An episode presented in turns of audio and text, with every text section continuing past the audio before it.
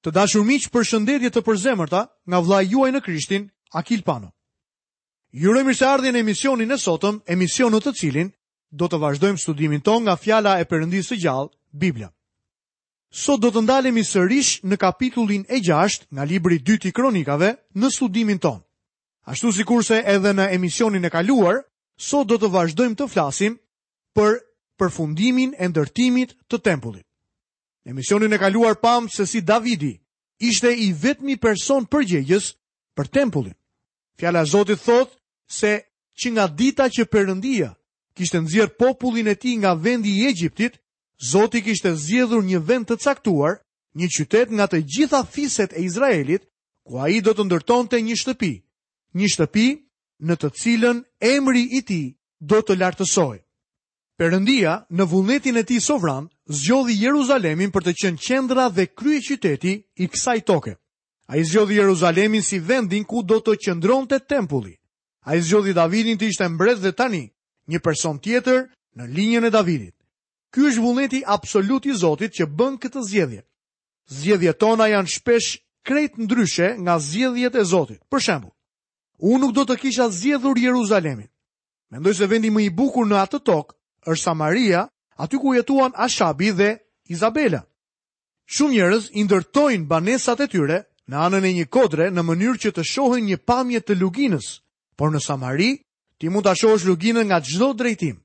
Në perëndim shikon detin Mesdhe, në lindje shikon luginën e Jordanit dhe detin e Galilesë. Në jug shikon Jeruzalemin dhe në veri malin Hermon. Kjo është një pamje madhështore.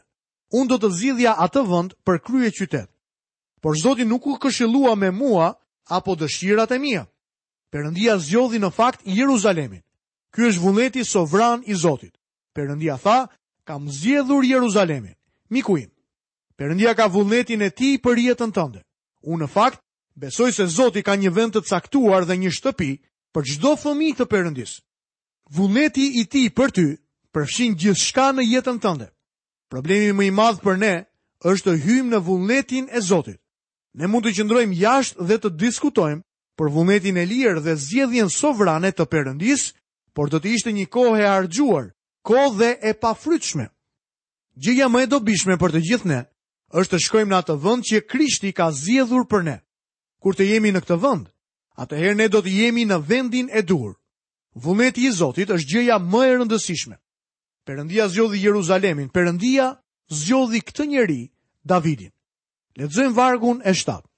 Davidi, ati im, kishte në zemër të ndërtonte një tempull në emër të Zotit, Perëndisë së Izraelit. Solomoni është duke thënë se ai kishte bërë atë çfarë babai i tij Davidi do të donte të bënte.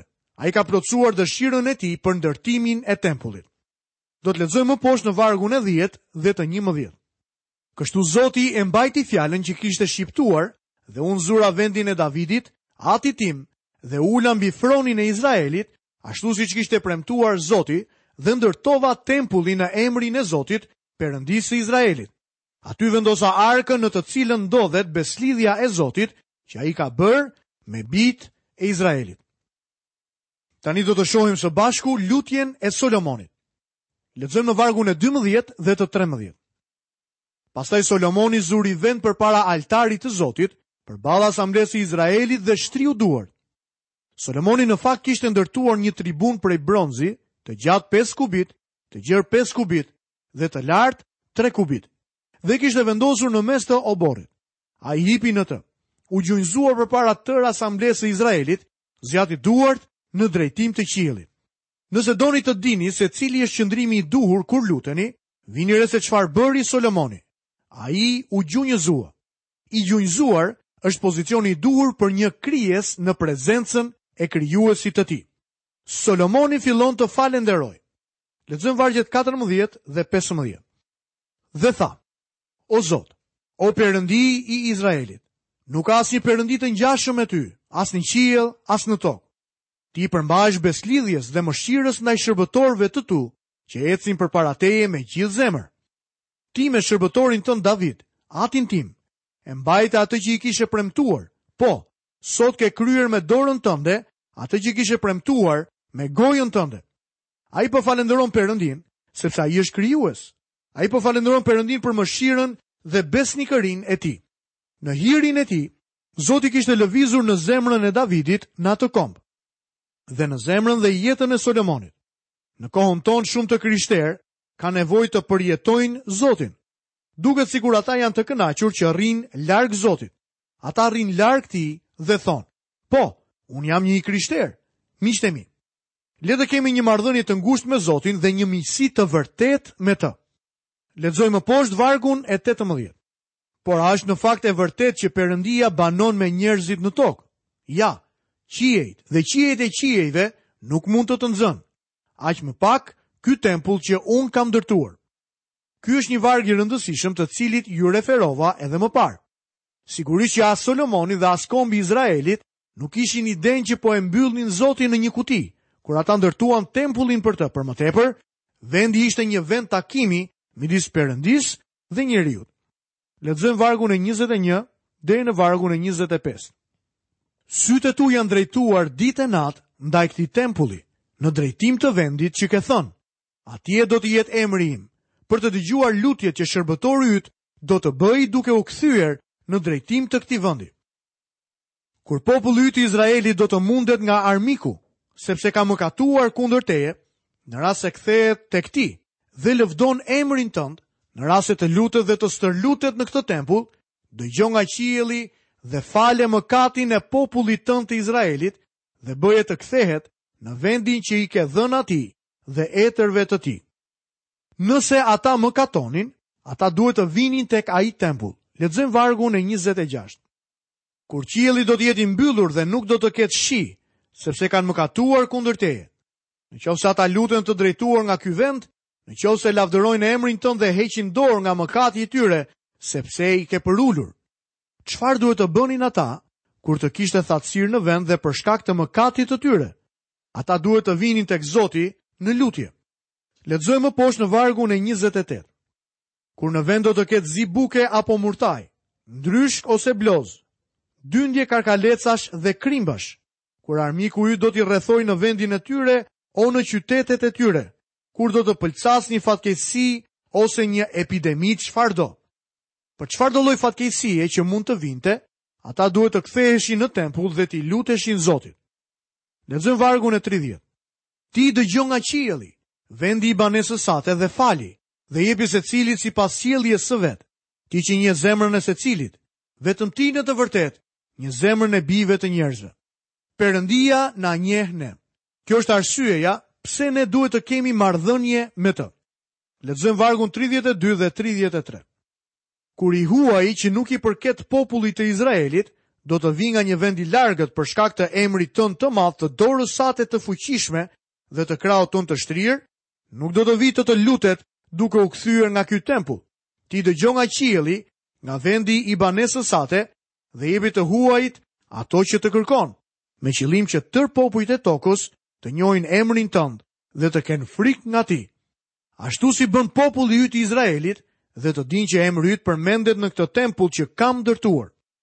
A e shihni, ky ishte një projekt i madh misionar.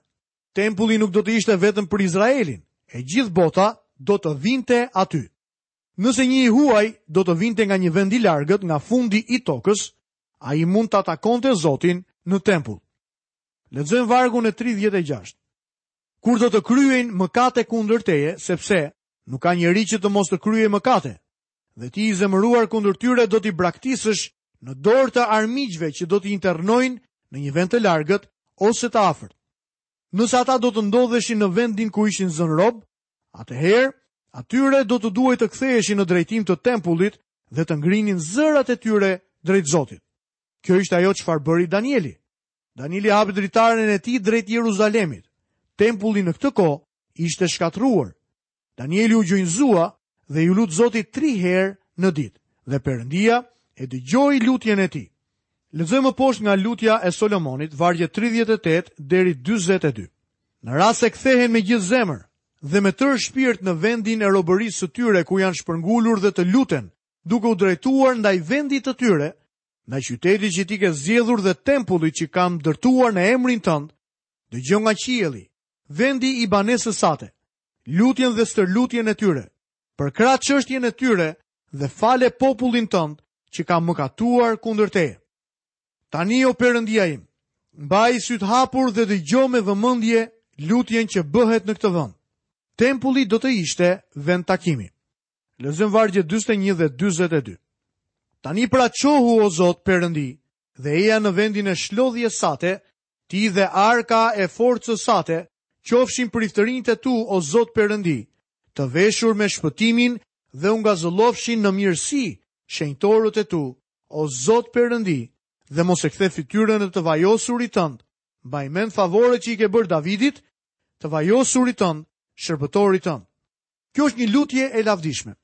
Vini re se ai bën këtë lutje në bazë të favoreve që i janë bërë Davidit. Unë dhe ti duhet të lutemi sepse Krishti ka bërë një vend shpengimi për ne me anë të derdhjes së gjakut të tij.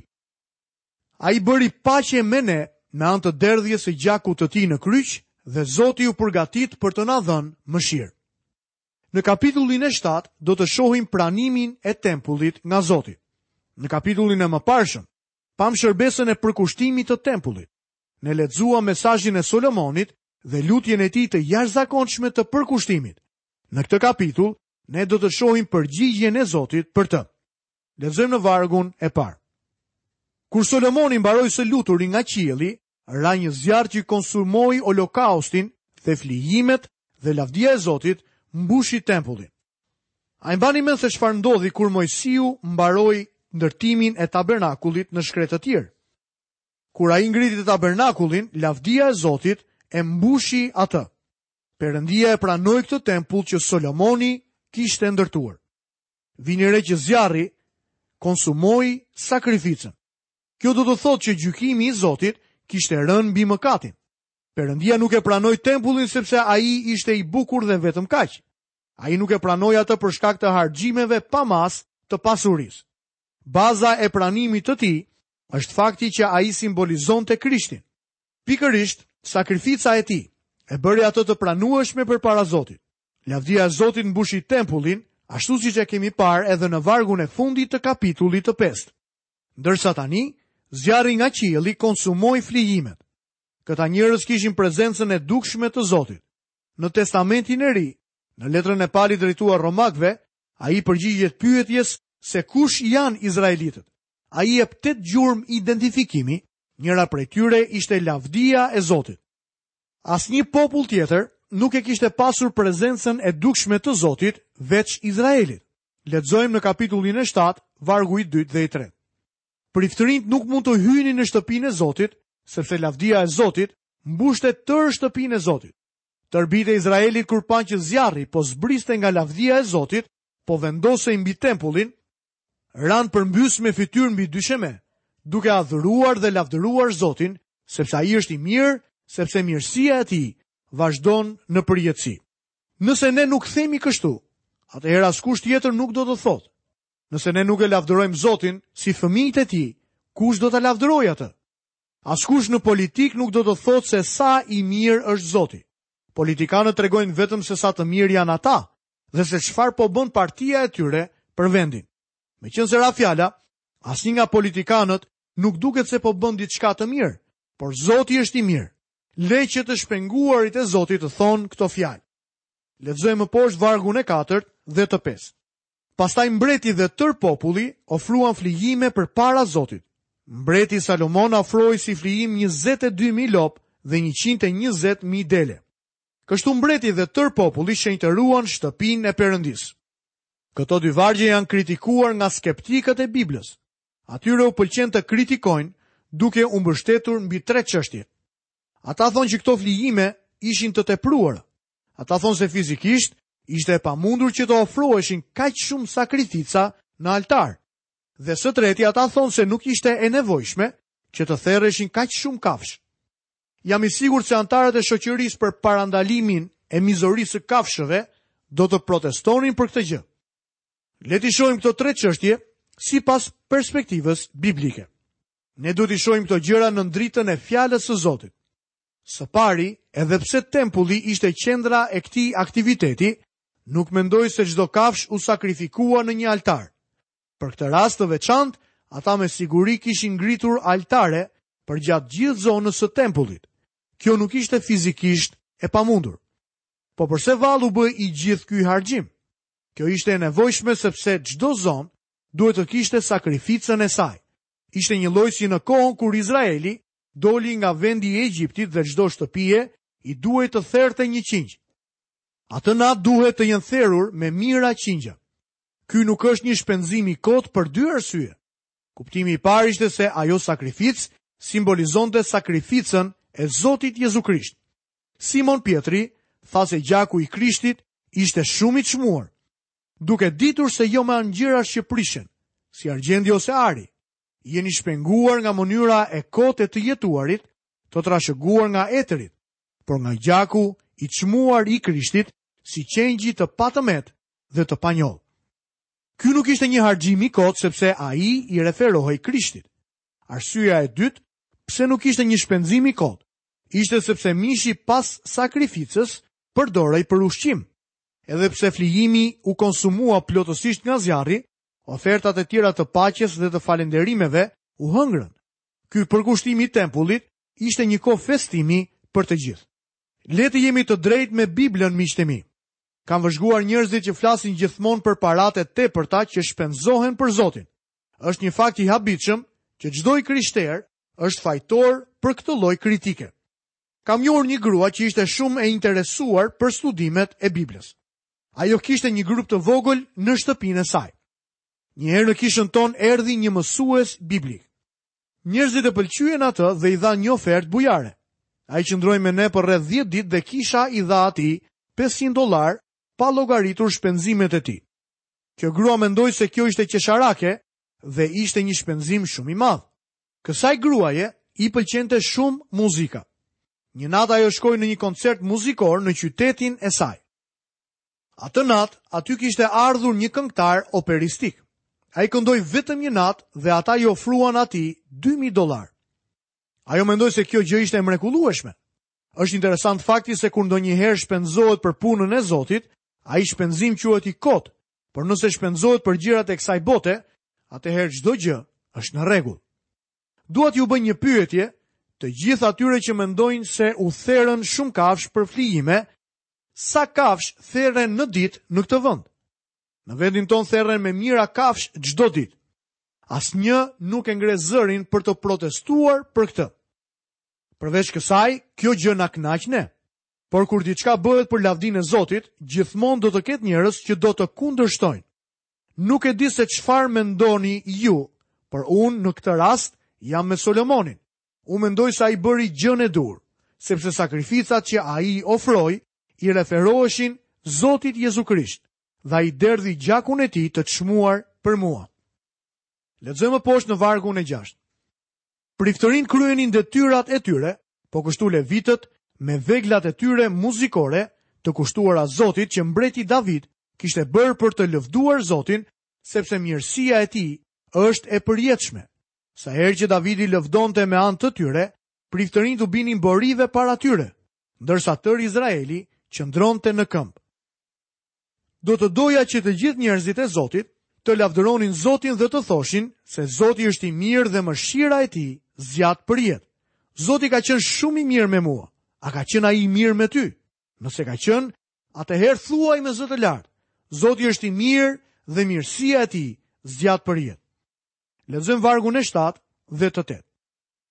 Solomoni shenjtëroi pjesën qendrore të oborrit që ishte përballë shtëpisë së Zotit, Aty pikërisht ofroi olokauste dhe dhjamin e flijimeve të falënderimit, sepse altari prej bronzi që Solomoni kishte bërë, nuk i zinte dot olokaustet, blatimet e ushqimit edhe dhjamin.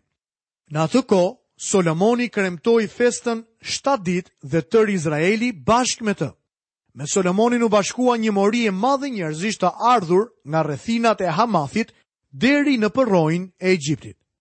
Nga hyrja e Hamathit deri në përroin e Egjiptit, do të thotë nga pika më veriore deri në pikën më jugore të vendit. Miqtë e mi, këtu kemi mbërritur dhe në fundin e minutave të emisionit të sotëm.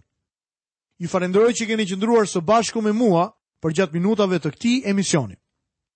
Ju kujtoj që studimin tonë do ta vazhdojmë në emisionin e herës së ardhshme. Deri atëherë, nga vëllai juaj në Krishtin Akil Pano, paçi të gjitha bekimet e Perëndisë dhe paqen e Tij në jetën tuaj.